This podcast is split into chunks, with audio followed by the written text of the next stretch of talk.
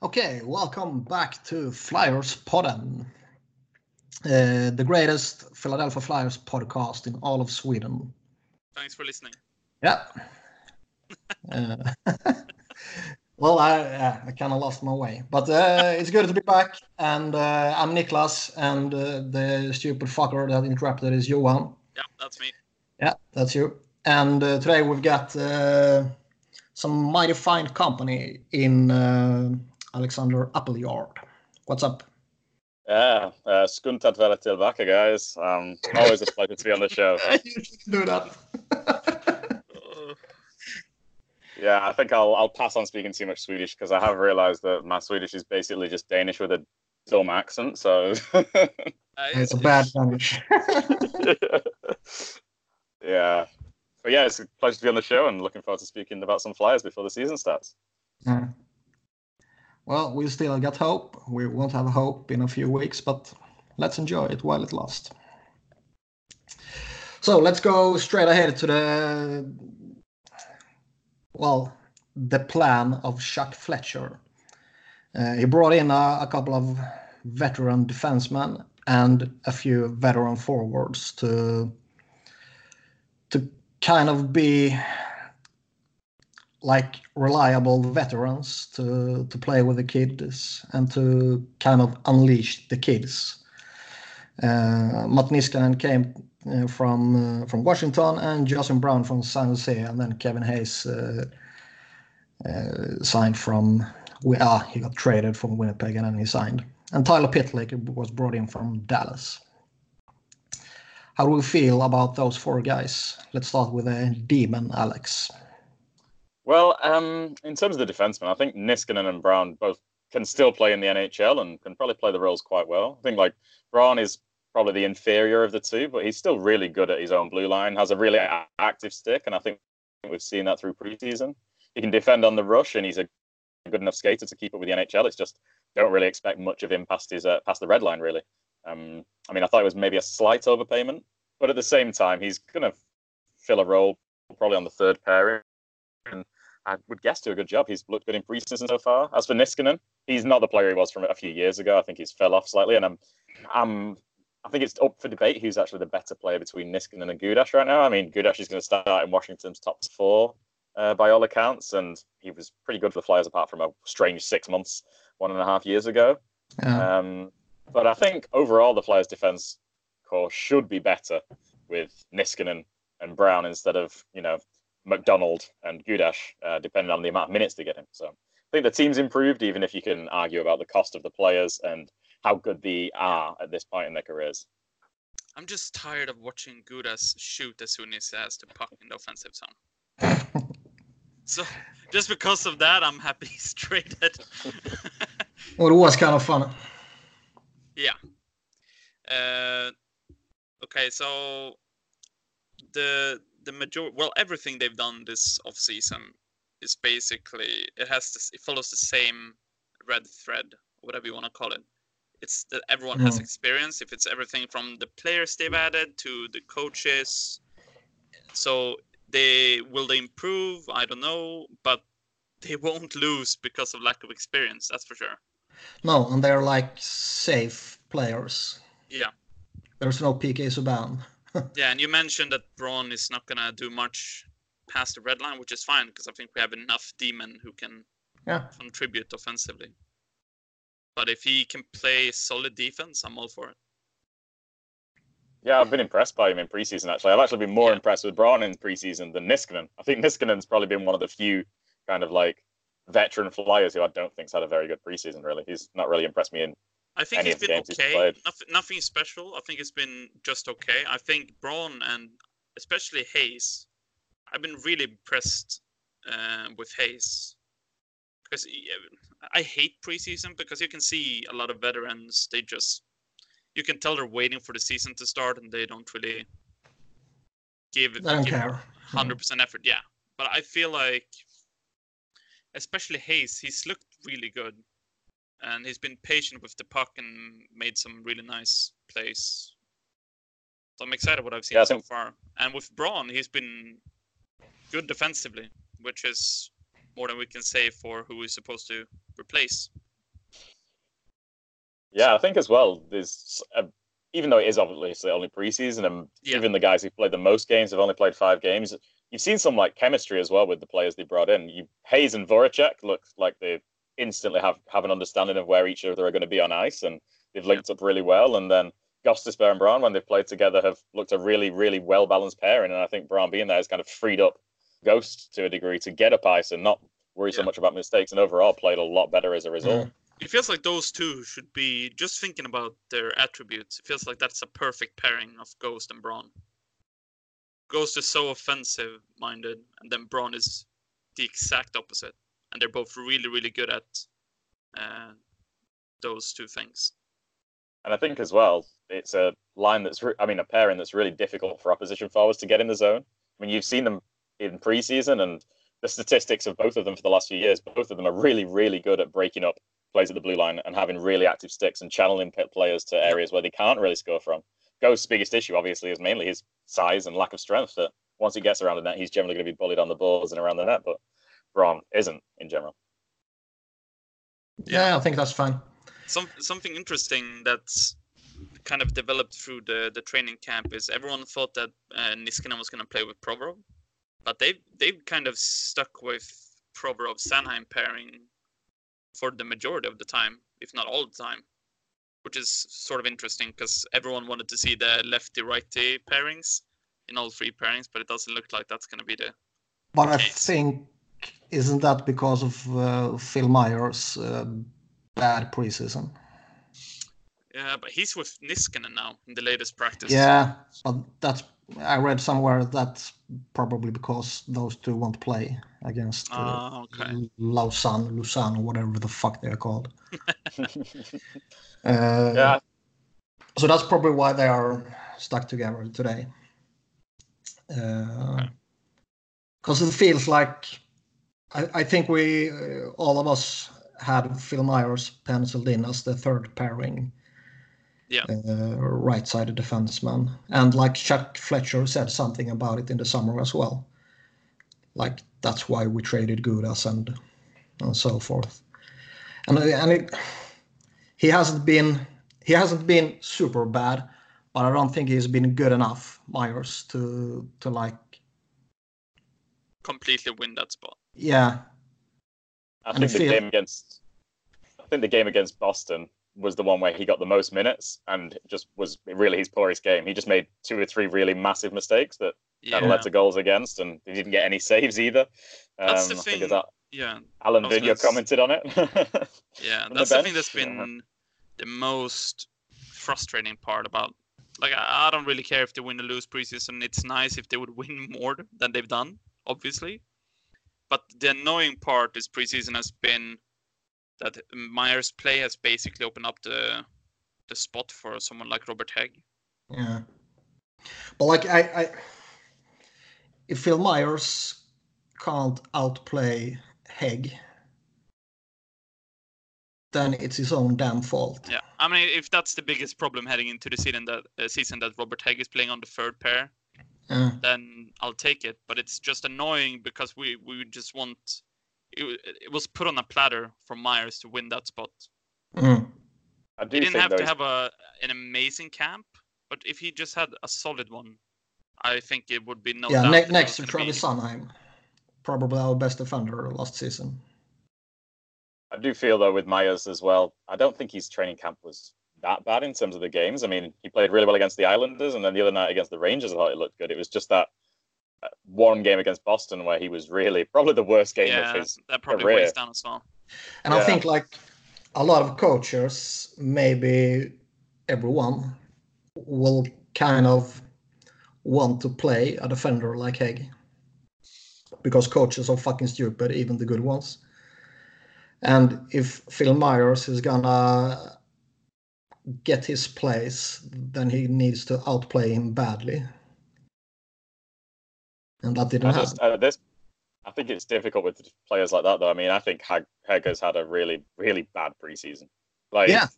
But like you if, at- if you if you got a like he's a veteran, and if you got a veteran playing bad, or you got a newcomer playing bad, the veteran is gonna get the call. Yeah, it's gonna be the you know what you get sort of thing, Yeah. even though we know he's he's bad. But the coach will see this. Yeah, we know what we get from Hägg every night, so he's the safer bet. Even Yeah, and like he's he's, he's not. strong around the net and he's physical and he's blah blah blah, all that kind of bullshit. Yeah, Yeah, I mean, I posted a statistic the other day, and it's like through preseason, Hägg has allowed almost as many high danger chances and scoring chances against per minute as Moran and Myers combined, Mhm. which is pretty pretty ridiculous. Like I think the game against the Rangers, he lost his man like two or three times around the net, and that's usually somewhere he's good at as well. So, yeah, um, it's a bit slightly frustrating, but yeah, if he's the number six, he's been the number six for the last couple of years now, or well, even higher than the number six a lot of the time. So, if he's the number six in a more sheltered role, I think he could probably do an okay kind of job. Um, Yep. But still, I don't think it's an optimal lineup, really. No, uh, Yeah, I uh, agree. as I and said, I can't, if that's, uh, of, if that's a big issue, then that's okay. It could be worse. yeah, and I, Chris I, Jordan. I- I really don't like the the Hägg Niskanen pairing because No. that that feels like a shutdown pair they're gonna use, Mm. and I don't see that as a good thing. That's gonna end bad. Yeah, I agree. Yep, I think so as well. I think yeah, I think if Hägg played a third pairing role where he was playing mainly against bottom sixes, he'd be okay.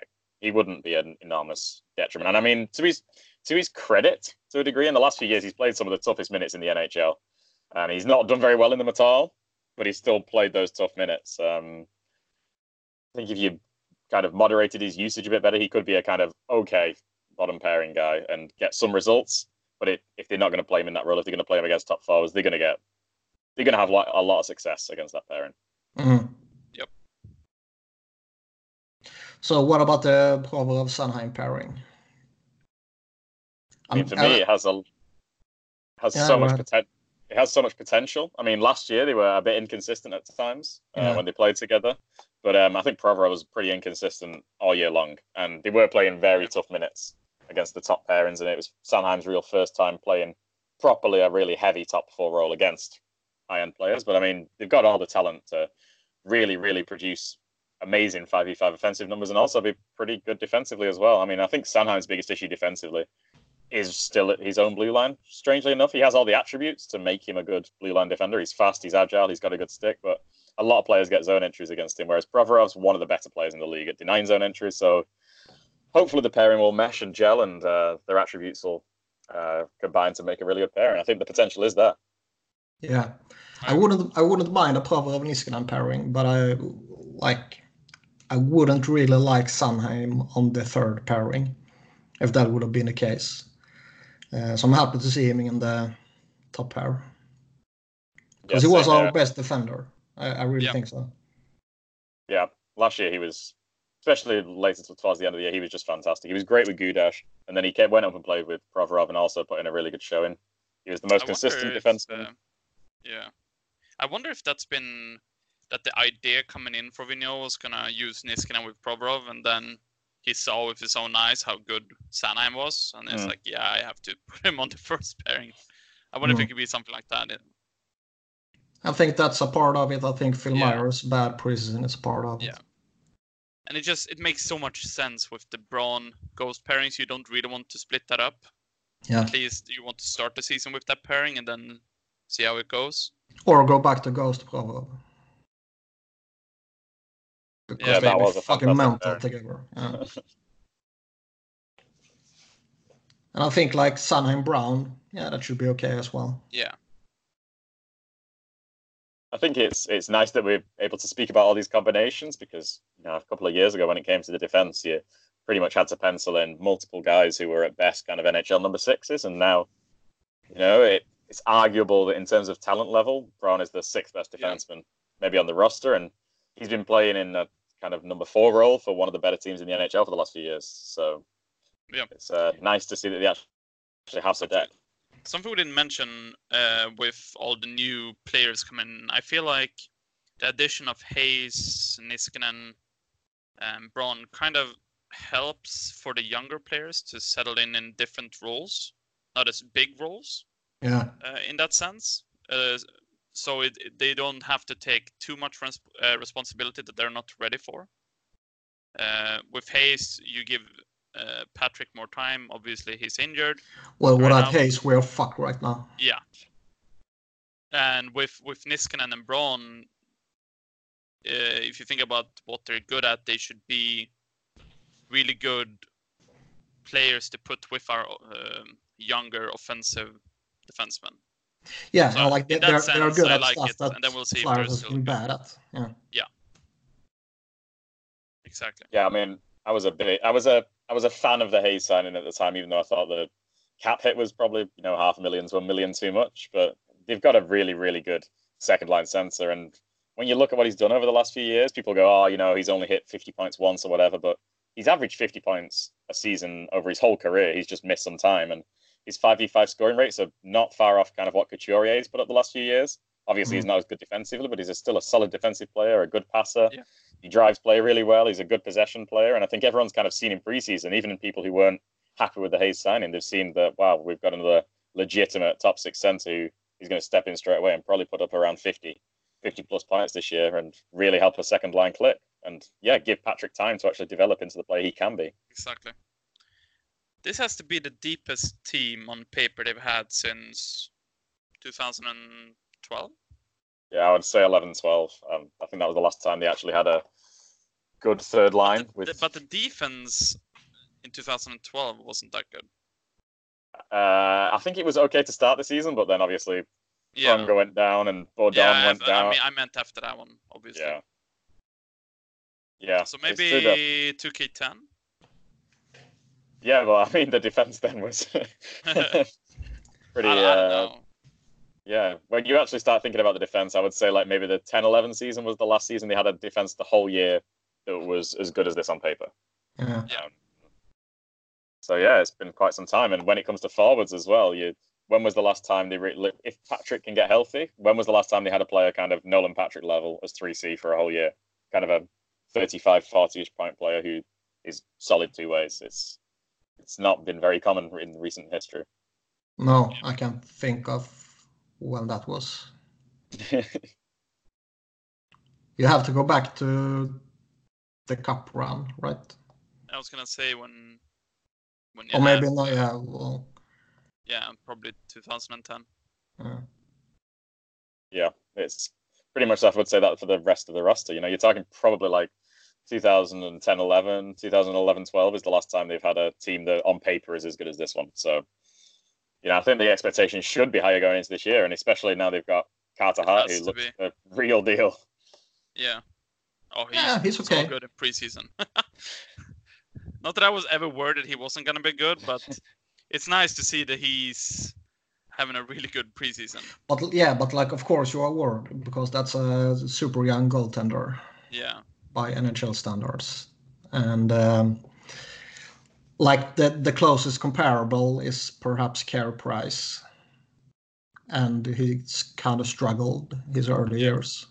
I mean, there's no doubt there's gonna be up and downs Yeah, for him and the team, but at least he's gonna come in with confidence, which is good. yeah, for Yeah. sure. And I think as well, it's nice that he's gone into preseason and it's obviously they see him as the number one goalie. I think that'll obviously help his confidence a lot. I don't think there was anything else going to happen after the way he played last year, but it's really nice to see that he's carried that through. He was really good at the World Championships, and now he's been really good in preseason. We've not really seen much of, of any bad with Carter Hart so far. Well, speaking about bad, let's go to Brian Elliott. yeah. so they they uh, they screwed up the Cam Talbot situation because of Scott Gordon, and he decided to fuck off to uh, Calgary, and we got stuck with Brian Elliott. And I I kind of don't mind Brian Elliott because he was probably the best guy available, Yeah. but I'm still I'm still a bit worried. As Yeah, you I should mean, be. I mean, I think he's one, you know, so long as he plays 20, 25 games or so, I don't think he's really an issue. Is even in his time in Philly, he's been fine. Like, I don't think he's been exceptional, but he's not really had too many really bad games. He's not been a detriment. And yeah, there weren't Yep. that many goalies available. I, I think him and Talbot were arguably the two best on the market, and they were both under the Flyers' kind of possessions. So I I don't think he'll be an issue, but yeah, his preseason hasn't been very good so far. The thing I'm worried about is him staying healthy enough, so we're not going to be forced into uh, Hart playing too much, and then you do a Dave Hakstol and play him until he drops. Because uh, I, I I don't have and I have faith in the in the goaltender Brian Elliott when he's healthy, but I don't have faith in him staying healthy. That's the Yeah. the, the issue. And they don't they don't really have something. If he goes down, they don't really have a backup that I have any faith in uh, to start Yeah, I agree. and games. And I kind of wonder about Vigneault here as well because in Vancouver he had Bobby Lou, and in uh, the Rangers he had uh, Lundqvist, and those two guys they played a shitload of games. And I wonder if he kind of wants Carter Hart to do the same thing. And Yeah, I mean, I- maybe you have to ease Carter Hart into the league.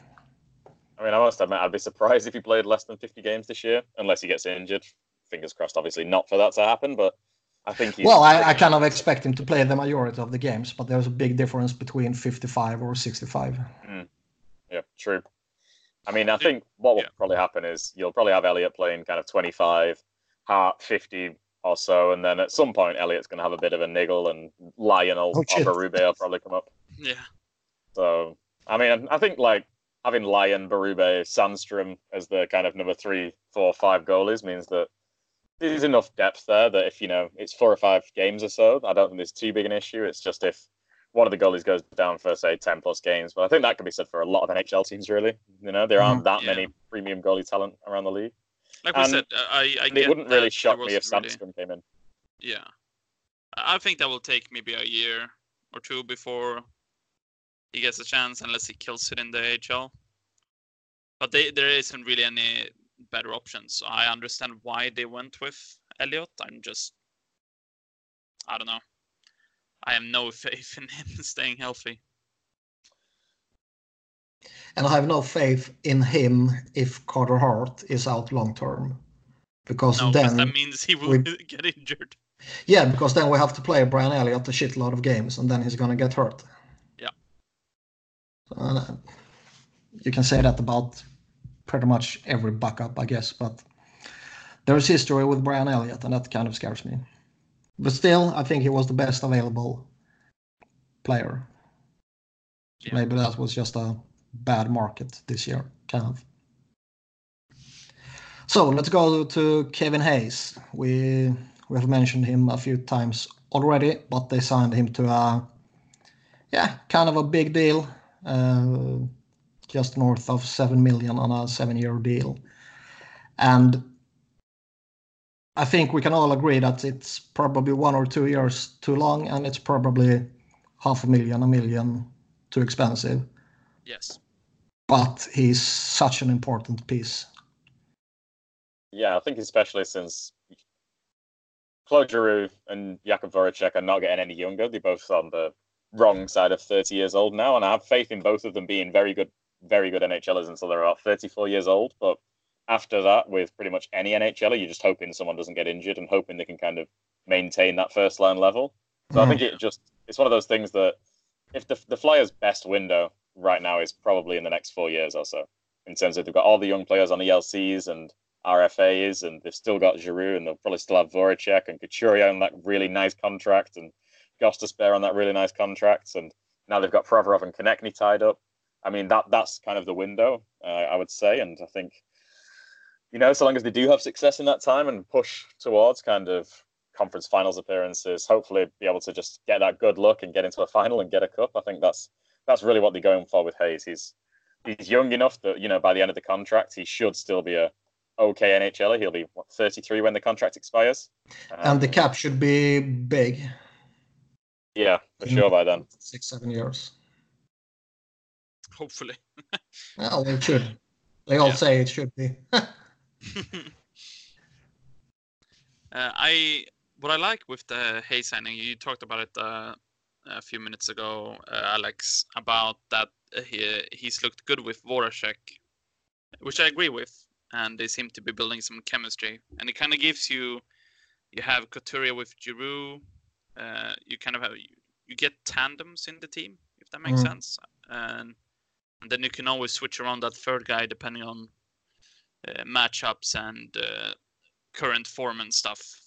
So if they can continue that and build some more chemistry, that would be good because then you could switch around Konecny and Lindblom and Farabee or uh, whoever you want uh, Yeah. on those lines.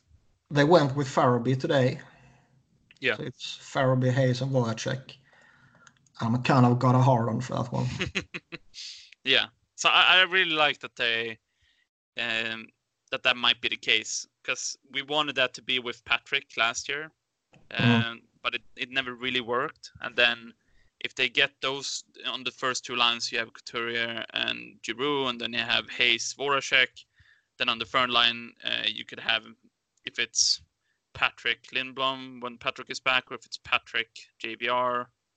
Um, depends on how how it pans out. But last year, Patrick and Lindblom were uh, pretty damn good for a while before Hakstol decided, yeah, I'm gonna put Lindblom on the, the fourth line and then bench him. But I, rem- I remember them the having a coke couple of games. Yeah, I remember I remember them having uh, some chemistry. So that could be something in the future as well. Maybe. Uh, And I think as well, when you look at the forward group, it's, it's the one area the Flyers really just shouldn't be worried about. I mean, Yeah. you have to cross your fingers still because it's the Flyers and it's the NHL, and you never know you never know what can happen in a very short period of time. But you look at the top six forwards on paper now, and there aren't on paper there aren't five there aren't more than five teams in the NHL with a better top six forwards at five v five. I mean, you've got Giroux, Voracek, Van Riemsdyk, Couturier, Hayes, and Konecny. All these guys over the last two three seasons have been top hundred in 5v5, 5v5 production. And you've got um, Van Riemsdyk and Konecny, who've been top 15 in goals per 60 at 5v5. So 5v5 hockey, um, the forwards really shouldn't have any issues scoring. And if the power play can click back into the form of, well, from 2010 until uh, the end of 2018, um, you know, they, they should be a pretty, pretty scary offensive group to go up against for most teams.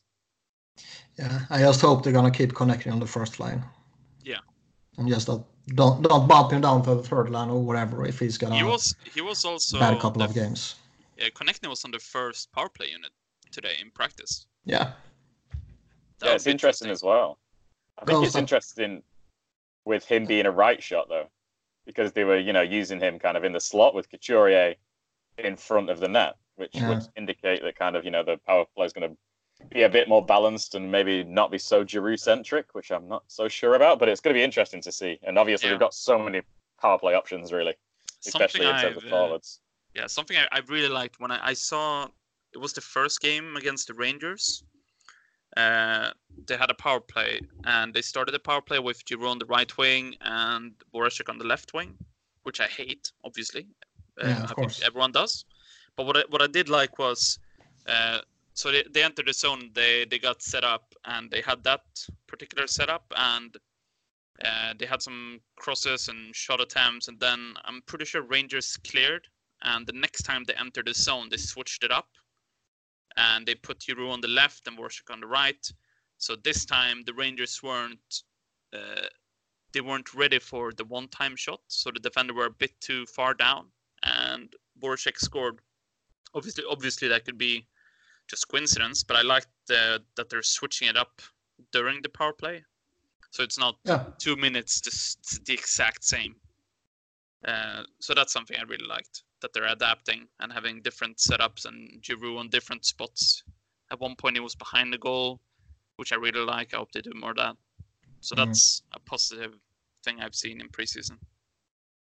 Yeah, the power play has looked a bit better in preseason than it was last year, although that wouldn't be very difficult to do. Yeah. Uh, I think they've had three scored like three power play goals now in six games, so it's not not the levels of last year where they were going through enormous enormous droughts. And obviously, Voracek and Giroux have looked really good on the power play in preseason, as you'd kind of expect them to. I think Yeah. both of them are over point per game uh, in preseason now. Both got four points, so it's just preseason, but still, it's nice for the top guys to be scoring. Yeah, and Ghost should be back to his best as well.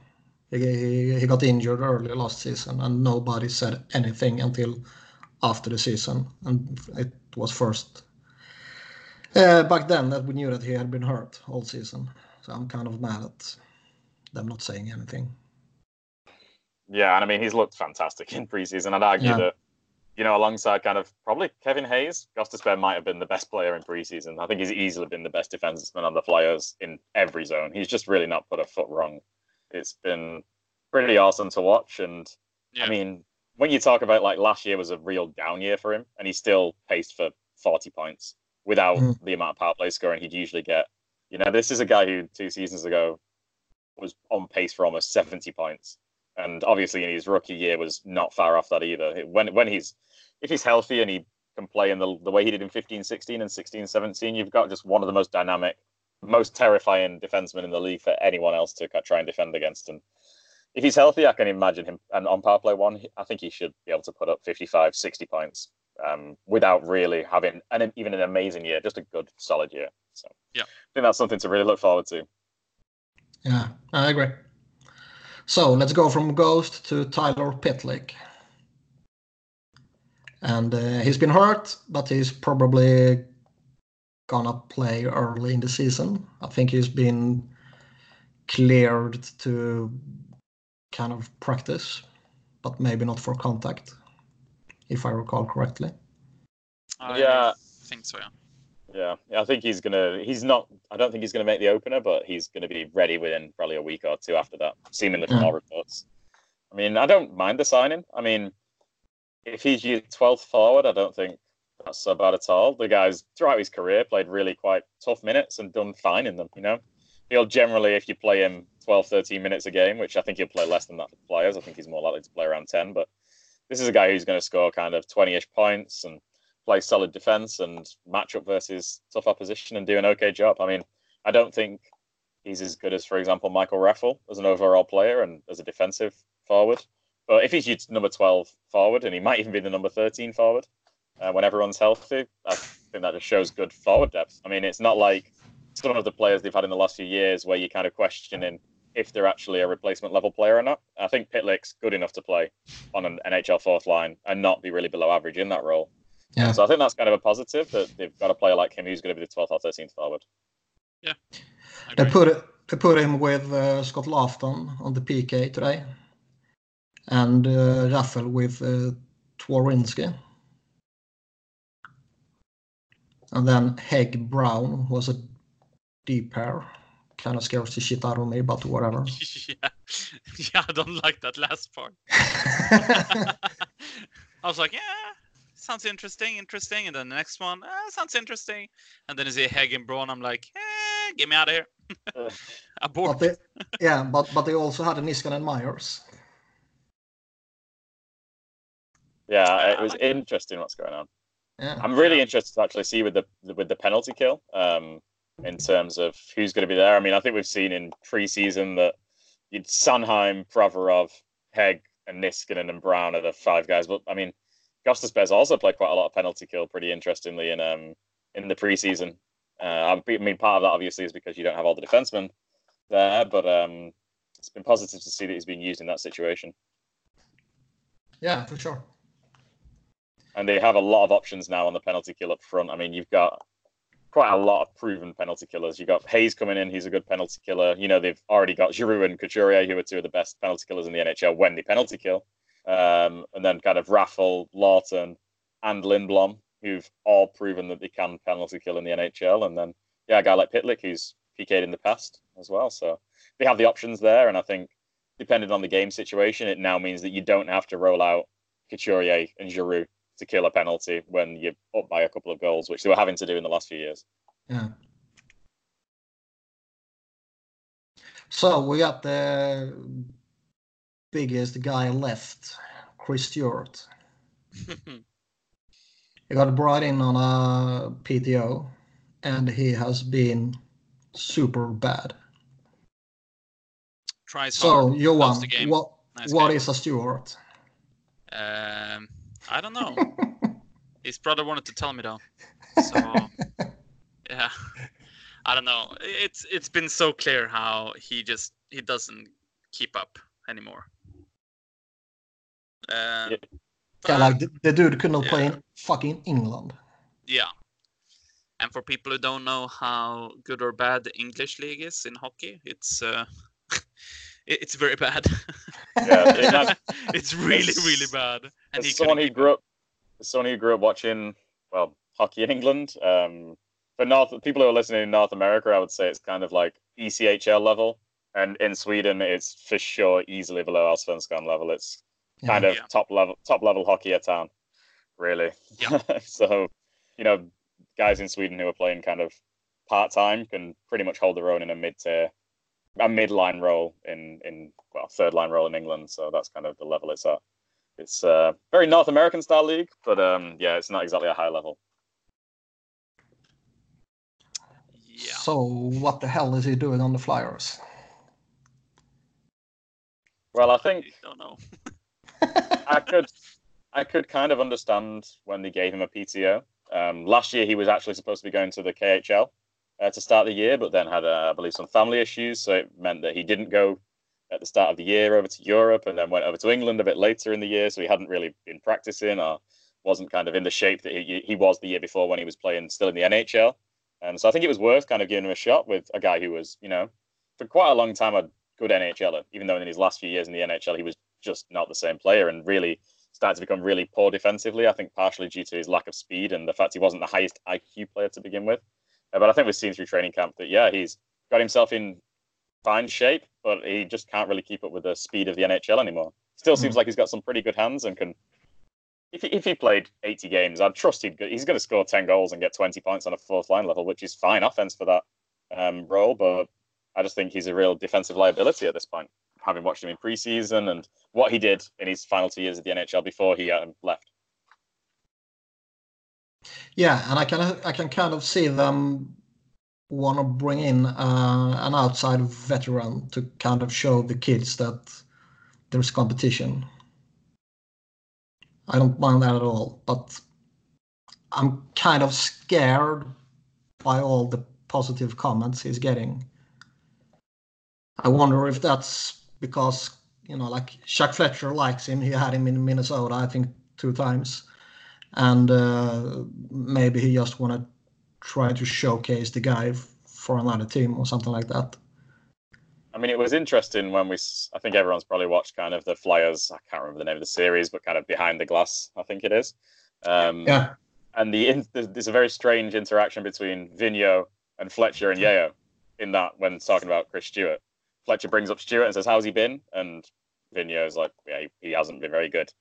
And then Yeah. Yeo also jumps in to defend Chris Stewart, and they're two guys who he played for in Minnesota for quite some time, and obviously they they back him really heavily as a person and a character and someone in the yeah, room, maybe and they- he's super nice. I don't know.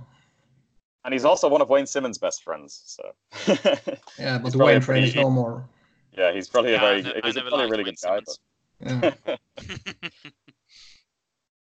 And I think yeah, they they want someone to bring in some kind of toughness, seemingly, because they were kind of comparing him with Curtis Gabriel as well, uh, who's Yeah. also not an NHL level player. Um, That's also somebody to try to showcase in the behind the glass thing. he's also I a think guy yeah, who- but I, I think maybe that was because I think they talk with every player about what they want to do in the preseason and stuff like that, and then shit happens, and then they highlight the player Yeah, maybe. that got hurt. Yeah. I think that's more like like that that. makes sense.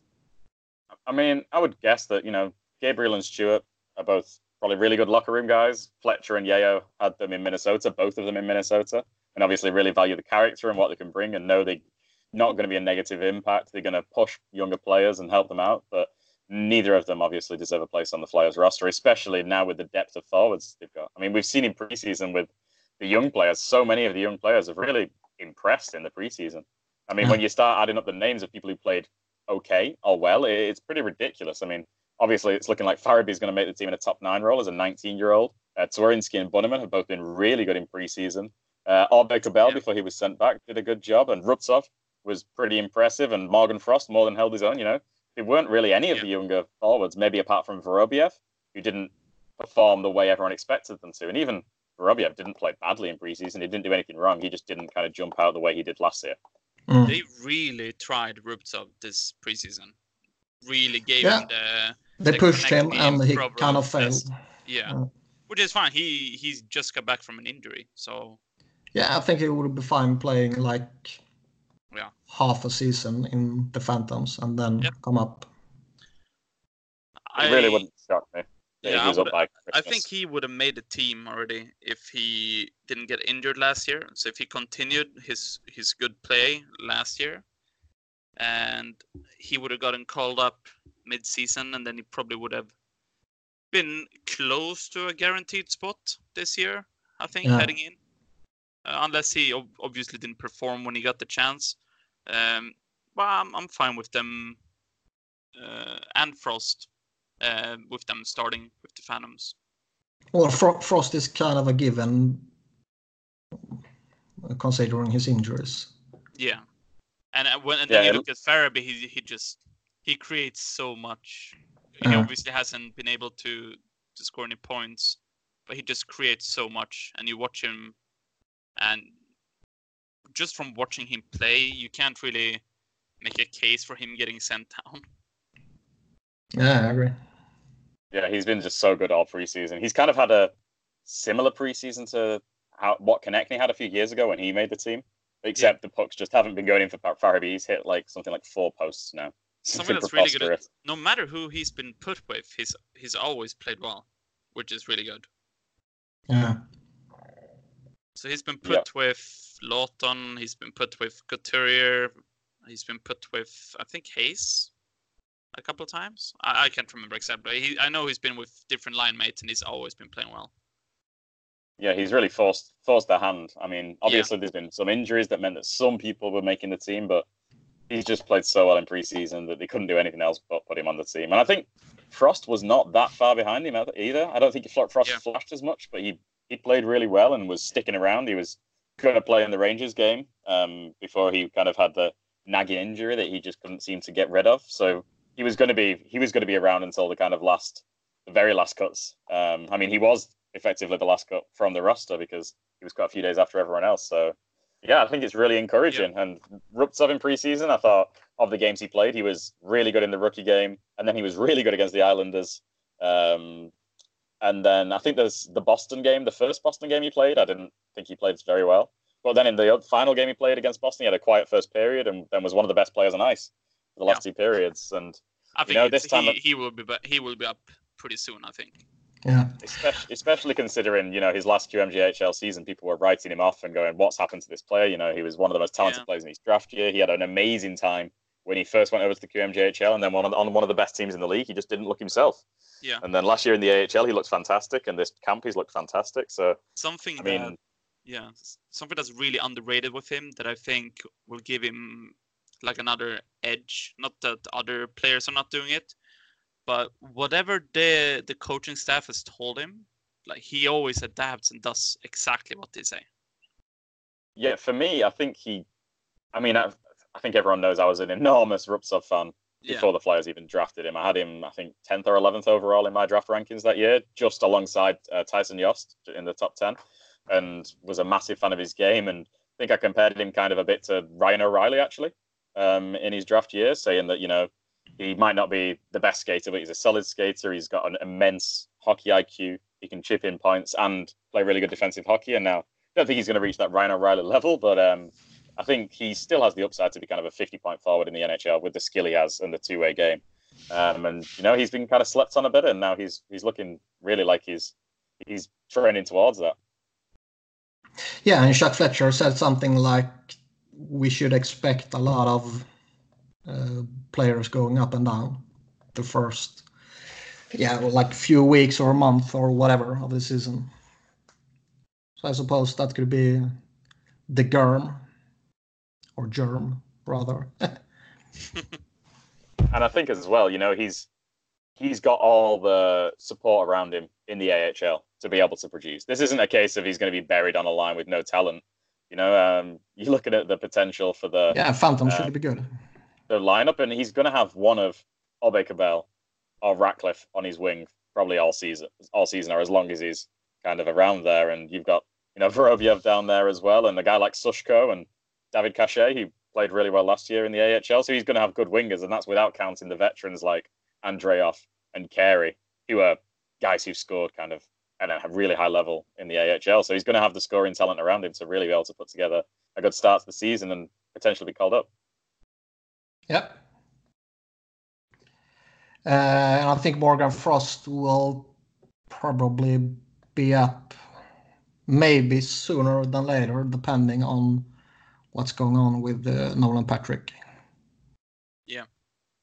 yeah. I mean, that's well, the real, the only real big negative from preseason is the, the news on Nolan Patrick. I think the end of last season, he looked really good again. You know, he's had two seasons now where he started the season really quietly and not playing so well, and then in the final 40 games of last year, he, you know, he put up not far off. I think he put up around 20 points in the final 40 games, pretty similar to his um, first year, over 40 point pace and playing well and created some great chemistry again with Lindblom and was really looking like, you know, maybe this year he can kick up to the next level. And, you know the issues with migraines are obviously a really suck for him and um, obviously for the Flyers too. Um, so hopefully he can find a course of medicine or some kind of program that helps him get back because he's even if he's the 3C for the Flyers this year, he's going to play a really big part. Having a 3C who can kind of has the potential to put up 35, 40 points and be solid two ways is really big for a team. And Scott Laughton's not a bad player. And he's shown before, two years ago, that he had a good season as kind of a three, three slash 4C. Um. Mm. But he's not he's not the player that um, Patrick can be. I think Scott Laughton is a fine part-time third center, kind of. Yeah, I think he'll uh, he will hold his own. Um, it's such a shame because I was looking forward to having a Couturier, Hayes, Patrick, top nine down the middle. Mm. Uh, so, so hopefully it won't take too long before he's back, but obviously we don't know.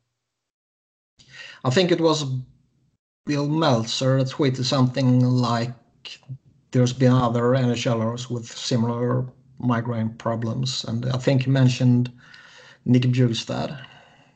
Yeah, I think it's uh, uh, Nicholas, ba- Nicklas Backstrom also had some issues with migraines when he started mm, his yeah. career. So the problem with migraines is it's so different case uh, case from case.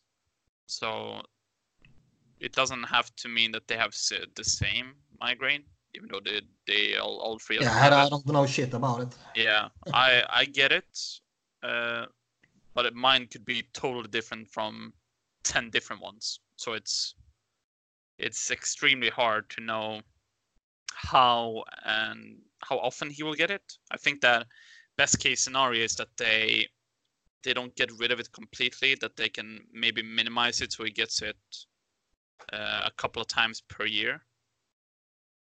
So th- th- I feel like that that would be the. What do you do? Yeah, there there are surgeries for it, but I don't. I've never heard anyone. I don't know anyone who's done it but I know you can do it. But I would probably medicate it, mm. which will help you. So when you start feeling that you get the migraine, you can kind of you just feel different in your body. So when you are about to get it, there's medication you can take to prevent it. But for me, uh, at least, it doesn't work at all times. So even though I can feel it and I take the medication in time, it just doesn't help but it does sometimes, so it can minimize oh. it. And then obviously they have more resources for uh, uh, to try different stuff than than I do. So hopefully. Yeah, you'll get your cocaine. yeah, that, that that was my medication. It doesn't work, man. I'm trying. I'm taking more and more. It doesn't help. uh, fuck me, that's bad. yeah, but, but, so so hopefully they they can figure out what works for him Mm. But that might take a week or it might take a month. Yeah. I don't know. I think they've known about it since June. I think they said. Yeah, I said he report, reported it to to them in June that he was having some issues with it, yeah. and they've been figuring out what they can do since then. So yeah, so it, it takes time, but hopefully, since it's not like he told them two weeks ago that it's been a problem, so hopefully they they are well on their way to figuring out exactly uh, what what he needs to be able to play. Mm. And as a or as a live even because it seems like it's a really big problem for him. I mean, the, the positive I think is that he has been skating, even if it's not been with the rest of the team and it's not been contact. It's yeah, it's still he's not literally just sat in a room not being able to do anything. So yeah, it could hopefully be, they'll be able to find a it, something. It quick. could be one of those when. Um, I'm not sure about the, the the English word, but when he exercises hard, Mm. uh, if that makes sense. So when he, Yeah. he his Oh, when he pushes heart rate, himself. yeah, I think that's that could be a trigger. I don't know if it's for him, but I I know for other people that that is. And if that's the case, then that's a problem because obviously It's you difficult to put in a lot of effort when you play hockey. So uh, Well, not everybody, but yeah, mo- everyone who is not Chris Stewart apparently. No, so hopefully it uh, it gets better soon. Yeah. Because I want to watch him play and I want to watch him develop into the player we we know he can be. Yeah, and I can kind of see them like if uh, if Patrick is is having continuous problem with this and it's like a week or two weeks into the season and they are still without him and don't know about his future, then they might bring up Morgan Frost. Yeah. Otherwise, I think Frost will, yeah, will get the Euro treatment. He will play half a season in the AHL and then he'll come up. And that's fine because And that's perfectly I, fine. I, I I, don't I mind want it to at all. watch uh, Frost Ratcliffe line Yeah, then with some. I don't know who the third guy would be, but I don't care. anyone. Yeah, it's Chris Stewart. Yeah. Okay, do we have any more kids we want to talk about? I would say someone who really impressed me in training camp was Mark Friedman. I thought he was probably potentially amongst the best six defensemen in training camp, which Mhm. was a surprise, just- I think. Whenever I watch him play, even when it's with the Phantoms, he just always looks solid. He doesn't stand out in any way. He just always looks. He looks good. There's Yeah, I nothing think he's special, nothing fancy. He just looks like a good defenseman. yeah, I think he's perfectly fine, and I think he's a numbers casualty kind of. Yeah, it's gonna be so difficult for him to get a chance. I think that's the difficulty for all the defensemen. I mean, now you've Yeah. got Linus So you got Cam York as well in a couple Yeah. of years. I mean, you started the SHL season, and Högberg is the pretty much became the number one defenseman for one of the Yeah. better teams on paper in the SHL. And yeah, you've got Friedman, who's playing really well in the AHL, and Cam York, who's unbelievably talented defenseman as well. And you know, we've got eight defensemen on the roster right now, so it's going to be really interesting to see how it kind of progresses over the next couple of years. Mhm. I did So- not expect Twarynski and Bunnaman.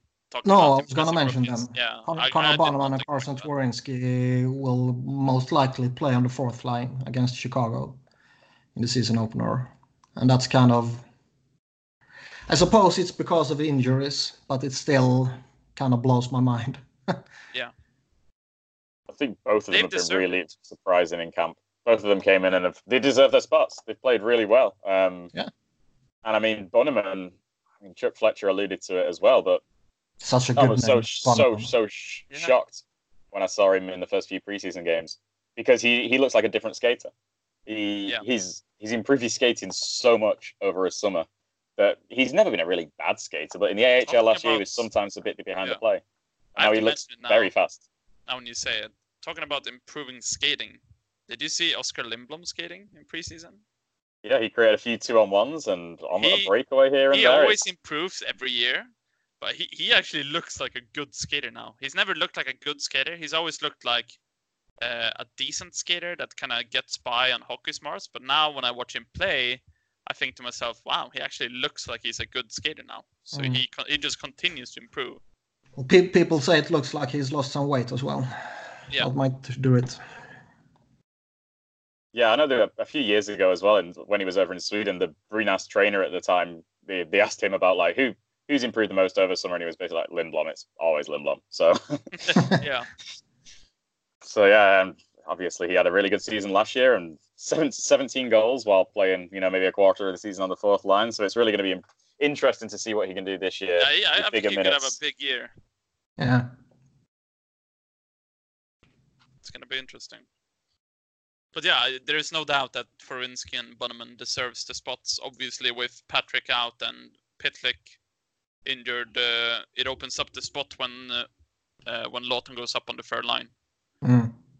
So it might just be temporary, but it, at least it shows that they have depth even on the lower lines and not just the top talents. Uh, Yeah, sent for up. sure. But you kind of expected uh, like an Andy Andrew for Niklas Kubel or whatever to Yeah, I think To Kubel kind would have been fine. I think he, he Yeah. I think he's probably the better player than those two right now. Maybe he will always be that, but I think that I don't know. It just feels like they they don't the organization doesn't like him. It does seem very strange. I mean, the guy's been one of the Yeah. best 5v5 forwards in the AHL now for two years, and it doesn't seem like when he was given a shot last year and played fine in very limited minutes. But yeah, I I don't know what it is, but it does seem like the organization just don't hold him in the same regard as some of the other guys. Yeah, Which is, I, think, he must be really frustrating to- for him. Yeah, I think he will have to have a big year in the AHL to get another shot. Yeah, I I'm feel just like not sure. It's... Even now, when when let's say Patrick and Pitlick are both back after ten games, so Bunnaman and Twarynski get sent down, they will be the first ones in line for the bottom line roles if if there's and an if not again. them, it's Rubtsov or it's Frost or Yeah. Gabriel, perhaps. I mean, so I think I it's think nice. it's uh, yeah. Sorry, you I go. just think it's it's quite nice now though that you know when we're talking about guys who are probably going to come up over the season, you're talking about Rubtsov and Vorobyev and Aubé-Kubel, and then if Bunnaman and Twarynski are playing games, and it's nice to have that many young players, and then you've got Frost and Ratcliffe as well, who hopefully will be pushing for spots. And you know, Yeah. the last we, last year we the Flyers played. I mean, we had Dale Weise for 40 plus games. They had Varone for almost 50 games. They had Corban Knight for 20 plus games. Lehtera for 30 games. Justin Bailey played, you know, 10 games. Even though he's quite young, he's not kind of the same. You're seeing a lot of made up five. names that I, I don't know. they don't exist. They are not real players. so yeah, I mean, I think it's nice that all the guys next in line really are the younger players, and I think you Yeah. you, you saw during training camp as well. They sent obviously Gabriel got injured, but they sent him down. They sent Andreoff down before they got rid of a lot of the other younger kids. So and you can kind of see the pecking order a bit more, and um, Mhm. it seemed They're like the kids are the ones in line. the- yeah, they're not afraid to play in the young guys. Even in uh, And they're playing the young, yeah, for- they're playing yeah. the skilled young guys with skilled veterans. Yeah. It's not the Dave Hakstol treatment. I know What I like about what with Twarynski and Bunnaman is, especially now when Bunnaman has improved his skating even more, is they just they fit sort of what I want on a fourth line. That, that hard forward checking, good skating, uh, not afraid to to get dirty. If that, uh, obviously, it's nice if you would have four skill lines, but I don't think we're ever gonna get that. So I'd rather have those two with what they bring than having someone like Varone or all those other made up names you said. Yeah, for sure. Yeah, and I mean, And I think they will the do last- fine with the Raffl as well. Yeah, and I think we've seen in the last few years as well, the days of kind of old veteran fourth lines in this NHL with the salary cap just seem really numbered. I mean, you Mm. look at the the Blues last year and the guys that they used on their kind of fourth line, and they were kids. Robby Fabbri was in the playoffs was playing fourth line. Sanford, Sammy Blais, and um, Barbashev, Robert Thomas. These were the guys playing in the bottom six and le- getting less than 13 minutes a night, and they were 23, 22, 19. Yep. Yeah, So- but you can't play kids and win. You just can't do it. No, so I, I'm, I really like that they're not just going veteran heavy, which they don't need because the the veterans they've added obviously play higher in the lineup, uh, which means that you you you don't have a, a two, if you want to say young heavy, top six and top four in on your forwards and defense. So it feels more balanced now, age wise, throughout the lineup. Mm. because I don't think that if they didn't have, if they didn't add, let's say they didn't add Hayes, they didn't add uh, Niskanen or Braun, I don't think they would have been playing uh, two kids, two rookies in the on the fourth line uh, in the first game of the season. Yeah, I agree. Yeah, I think it's an. I mean, they're going to be one of the youngest teams in the NHL, no matter what. I think towards the end of the last season, it was kind of them and the Blue Jackets who were the two teams kind of constantly going back and forward as to who the actual youngest team was in terms of average age. And you know, they bring in even more youth into the lineup with Twarynski and um, Bunnaman and Farab- Farabee. So it's it's really nice to see. And uh, it's not like they're just placeholders either. These are guys who can really play in the NHL for some years. Oh yeah. So, do we have anything else we want to talk about from training camp? Any players we've been disappointed in, or anyone who's made an impression on us? I know Alex and I are both pretty high on Kase. I would like to see him. Ooh, I have never heard Alex talk about him. well, kind of in the same way as I was a real big Farabee fan in his draft year, and I was a really big Rubtsov fan in his draft year, and I was a really big Robert Hägg fan in his draft year, which is in hindsight was yeah, one of my oversights. but yeah, you I've don't know a, anything. I've been a I've been a, been a big uh, David Kase fan since saw him play at the uh, under 17 World Hockey Challenge in like 2013 and he 2014 and he looked like one of the most talented players in his age group. Um, and when he was under 17, under 18, under 20, under 19 in the international competitions, he'd show up and just dazzle every single time. He's got fantastic hands and a high skill level, and he's not some finesse perimeter player either. He might be quite small and light, and he's still quite physically immature, even at 22 years old. But the guy has so much grit and tenacity, and he's a good skater. I mean, he he's kind of a bit like Konecny in regards that he'll just go in along the boards and hit the biggest guy possible and grind it out on the boards with him and fully believe he's going to win every single battle.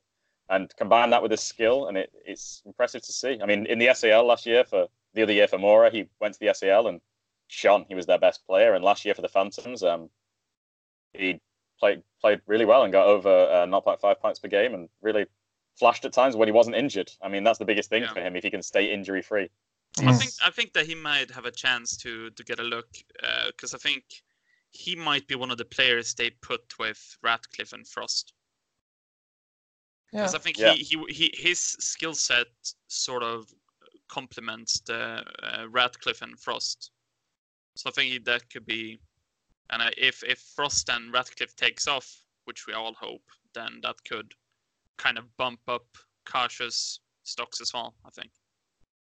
And I mean, he, you know, when you look at his big brother as well, they're not that dissimilar players. I mean, I would say the difference is that Andre is a just a few inches, a couple of inches bigger, well, a couple yeah. of centimeters bigger, uh, probably, you know, 15 pounds, six, seven kilos heavier, etc., and just has a broader frame and probably a better hockey IQ. But I'd argue that David is more skilled, naturally more skilled. It's just, uh, I really think he could carve out a role as a good NHL third liner. Um, in the not so distant future. It's just if how much of a chance he does get. I think he probably will play some NHL games this year if he plays well in the AHL. So it's another really interesting kind of bottom six option as the year progresses. Mm. I still think he might be a, a numbers casualty as well.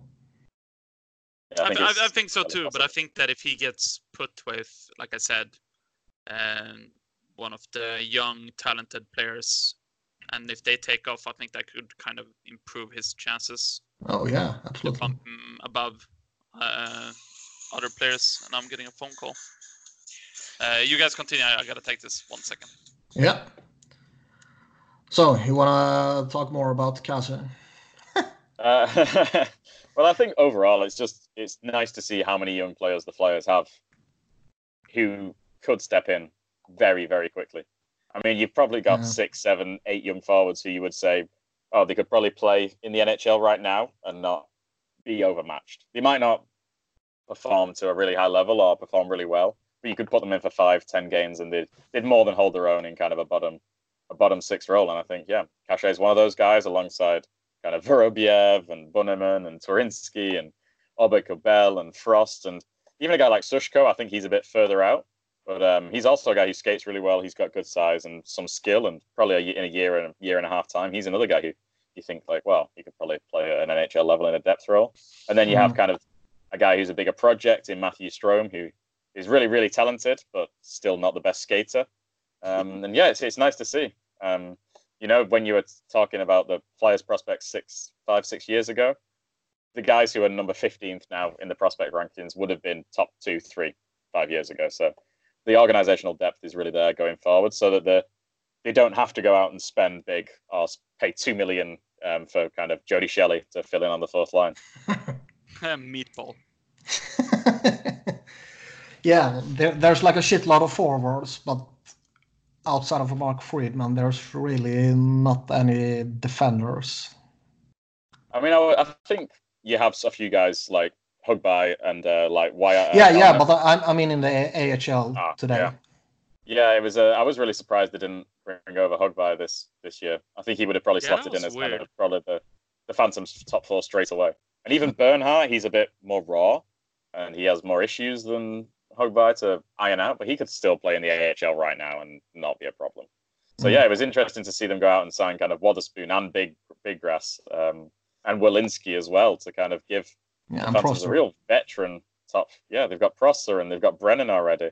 I mean, if you actually, if the Phantoms play their top six defensemen, you've only got one prospect in um, Mm. Friedman. I know Bigras is actually quite young still, but I think he's kind of one of those players who's already kind of been marked down as a very good AHLer as opposed to an actual NHLer. Yeah. So let's go on to Alain Vigneault. What's our first impressions of the new head coach? I kind of like him. Same. It's Yeah, uh, I mean, uh, I was gonna say what I like so far is it's a bunch of things. I like the way they they decided to change things up in the preseason when he saw that the team wasn't progressing like he wanted to. Yeah. So he made roster cuts earlier than original plan. I really like that. I really like his honesty in the media. That he, he's kind of calling it like he sees it, and it's not.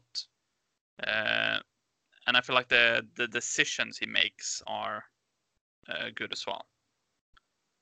Um, but And obviously like it's the, early. the, the one the one thing that bothers me is the Myers Hägg situation, but I think that's more on Phil Myers himself Yeah. than Vigneault, the coaches.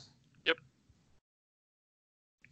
And I think And as well, it's yeah. not, it's nice to see how the Flyers are actually playing under him.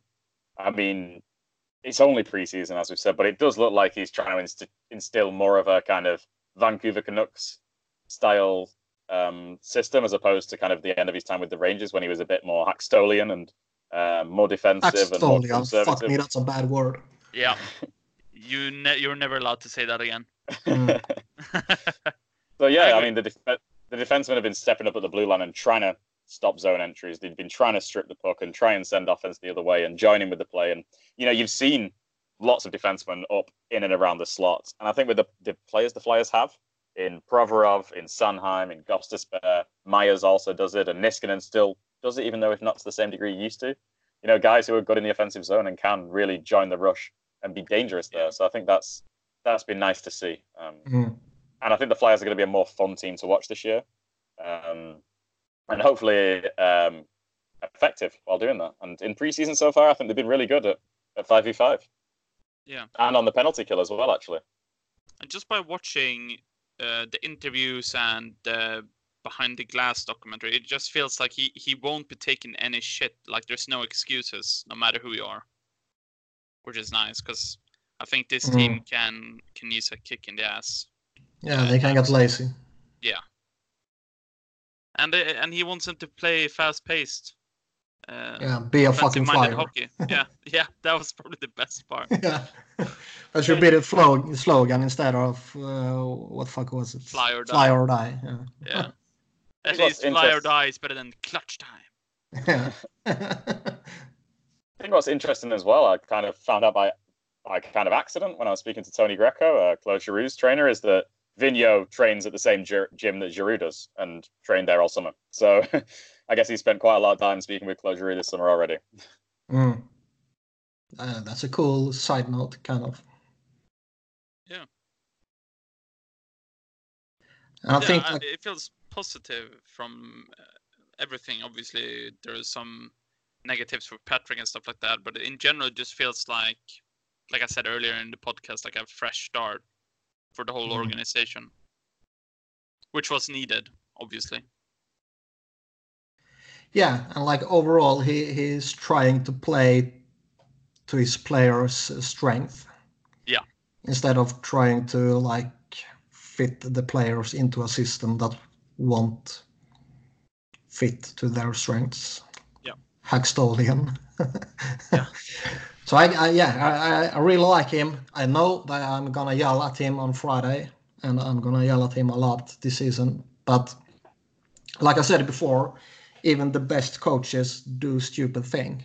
Yeah. Uh, things, and it's like if you can just minimize the stupid things, you're gonna be fine.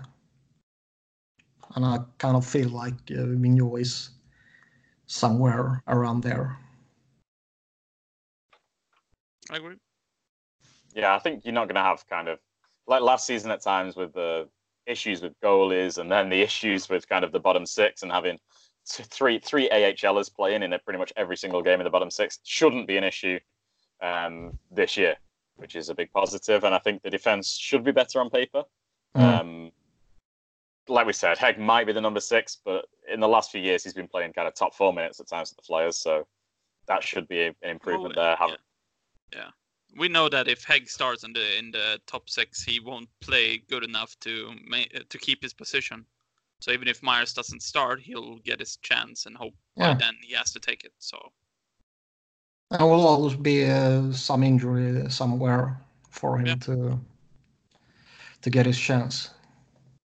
Yeah, it's not like you always play the six defense mm. yeah. you start the year with. So. Yeah.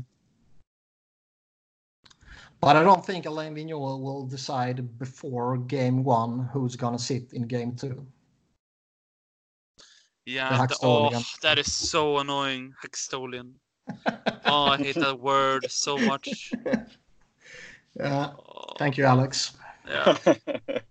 delete, I don't think it's in. Delete the podcast. Yeah. I don't. I don't think it's going to be in any danger of being added to the dictionary anytime soon. So.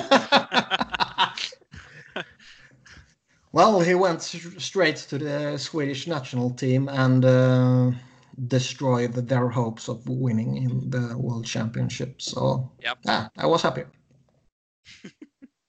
because I don't care about the Swedish national team at all. Um, okay, so what about the lineup? Uh, how do you want to set it up? I think we can all agree on the first line. Yes. Yeah, I would for sure go with Giroux, Couturier, Konecny. It was one of the best lines in the NHL once again. Yeah. It's just such a dangerous line and such a good mesh of skill sets. As for my second line, it's, it's actually kind of difficult because I would probably trend towards right now Lindblom, Hayes, and Voracek. They played really well yeah, together in preseason. And Lindblom, I think, is arguably the Flyers' best defensive winger now. Um, after last year, um, Raffl was up there, and Giroux's obviously a very good defensive winger, but Lindblom just has made every line he's played with better in its own zone and also contributed defensively. Yeah, I think, I think, that if uh, I think that if if Farabee kind of kicks off, uh, I think you can just switch those two pretty mm. comfortably on the second and third line. What I do like though is that if they had a third line of say JVR, Laughton, Farabee to start the year, with the top two lines, you don't really have to worry about protecting Giroux mm. or the the Hayes line. They can play against the opposition's best players and win. Whereas then you have James Van Riemsdyk going up against bottom sixes with Farabee on the other wing. There's that kind of skill could really give them a really impressive one, two, three punch. And yeah. I mean, Michael Raffl, for all his kind of flaws, he's a really, really good defensive forward still who can chip in some goals and has the experience to uh, play against other fourth lines and win that, those matchups and kind of help out Bunnaman and Twarynski to start the season. So, and then I guess Pitlick draws in at some point. So I don't think the fourth line should be overmatched too much, um, especially if Patrick gets back. Yeah. I, I can see them playing Lindblom with Patrick and JVR uh, when Patrick is back because yeah, I, I, I, think you will need Lindblom's defensive abilities with those two. Yeah. Yeah, it's going to be. I mean, if, if you have a whatever happens, really, the Flyers' top nine, they should be able to get matchups with oppositions this season because oh, yeah. no one can really outplay kind of the Giroux Couturier line. I'm not sure there are more than two or three lines in the NHL who at 5v5 have been better than Giroux and Couturier and whoever else has been put with them over the last few years. There are none. Giroux's like scored the fifth most 5v5 points in that time after being a washed up power play specialist for the few years before that, hmm. apparently. Well, um, scores on Couture- the power play. and Couturier scores at a great rate 5v5 and is, after Bergeron, probably the second best two way center in the NHL over the last two years. And then you've got Hayes, who's a really positive 5v5 player, with Voracek, who's just a zone entry machine and still so skilled. I, I just don't think there are many teams who can really match up with the top nine in kind of any formation um, any selection of players if once they health once Patrick's healthy. Mm. I think I think we we shouldn't forget that uh, Voracek didn't have that good of a year last year. He still put up decent amount of points, but he didn't really look his usual self. Hopefully, that's not a declining thing because if he can bounce back a tiny bit to the season before that, I think that that could be like an impact that not a lot of people are thinking about. He, he he should benefit from playing with a, an actual like veteran To see, center. yeah. Instead of trying to drag around uh, Nolan Patrick. Yeah, yeah. So I think that that could benefit as well Yeah. uh, for uh, for the team in general. I think that's something not a lot of people are thinking about. But obviously, I mean, it it- could also be a case that he m- may be declining. Uh, I mean- but he still looks good. I mean, I think it says something though about the caliber of a guy like Voracek that last year was kind of a down year that people were a bit disappointed with, and the guy paced for 70 points pretty much still. And then, I mean, he went to the World Championships and was pretty much the best player at the tournament. It it was Yeah. unbelievable to watch him in, in Yeah. person there. So hopefully he can really have a good season and kind of skirt around point per game again. I think he's perfectly capable of that. Oh, for sure. And if he's not, we might be able to lose him in the expansion draft.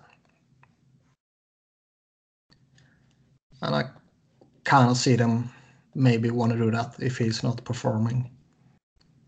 I would, I'd guess they're going to try and keep him for the expansion draft. I think, uh, yeah, I would guess it's probably more likely that Van Riemsdyk would be a guy that they would maybe think about letting go at that time. Um. I think partially because, from all accounts, Jake is like really, really well loved in the locker room as well, and you know, he's still a premier player in the NHL.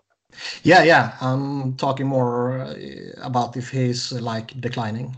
People knocking on the door at these times. Fucking scared. That's why you should have a shotgun. yes, Merca. Uh, so we're, we can all agree on Giroux, Couturier, Konecny, Lindblom, Hayes, Voracek. Yeah. And then JVR, Laughton, Farabee. And then I don't think we have any other choice than Twarynski, Bunnaman, or Raffl. Yeah, Unless you want to sign Stewart. Uh, Niklas uh, kind of disappeared from me now. Uh, I can hear him. uh, no, on Stewart. Thank you for your time. Yeah, okay. Yeah, whatever. and then Provorov, Sanheim. We can all agree on that, I think.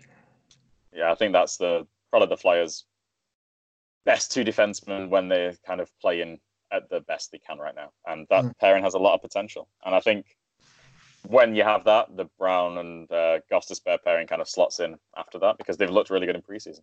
Mm. And then it's Hagen uh, Hagen Niskanen. See, in my ideal world, I would probably put Myers in there or even Morin over Hägg. I think Morin actually had a really underrated preseason for me. I mean, he had his first game, I think, against the Islanders. I didn't really, he would, was not very impressive and made some mistakes. But since then, he's kind of had like three games in a row where he's kind of been pretty dominant defensively. He's just not let anyone around the net and played the puck well and made nice outlets passes. And he's shown that his skating against NHL players is above average. You know, he's got that really long stride and can get out of his zone. And he seems to just know his game pretty well. He's not been trying to dangle past players or make silly passes. He's just relied on his partner, made the smart plays when it's mattered. So I'm interested to see how he does in the NHL this year because I imagine he'll get, get a good look at some point. Yeah, I think it's no matter who starts the, the first game, I think those three guys will all get a chance. Mhm. Uh, I kind of want.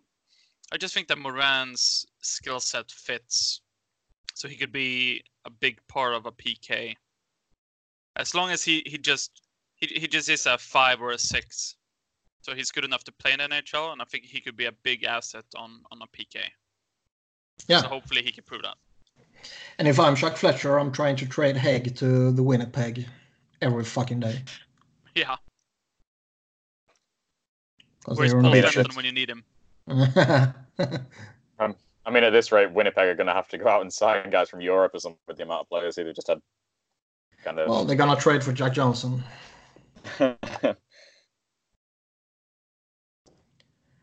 And then it's Carter Hart in goal. Or maybe you want to go with Brian Elliott. Over my dead body. I think we're all we're all hoping it's Carter Hart in goal for the Yeah. next 10 to 15, 10 to 15 years. Yep. Yeah. Yeah, I can probably agree. So, anything else you want to talk about?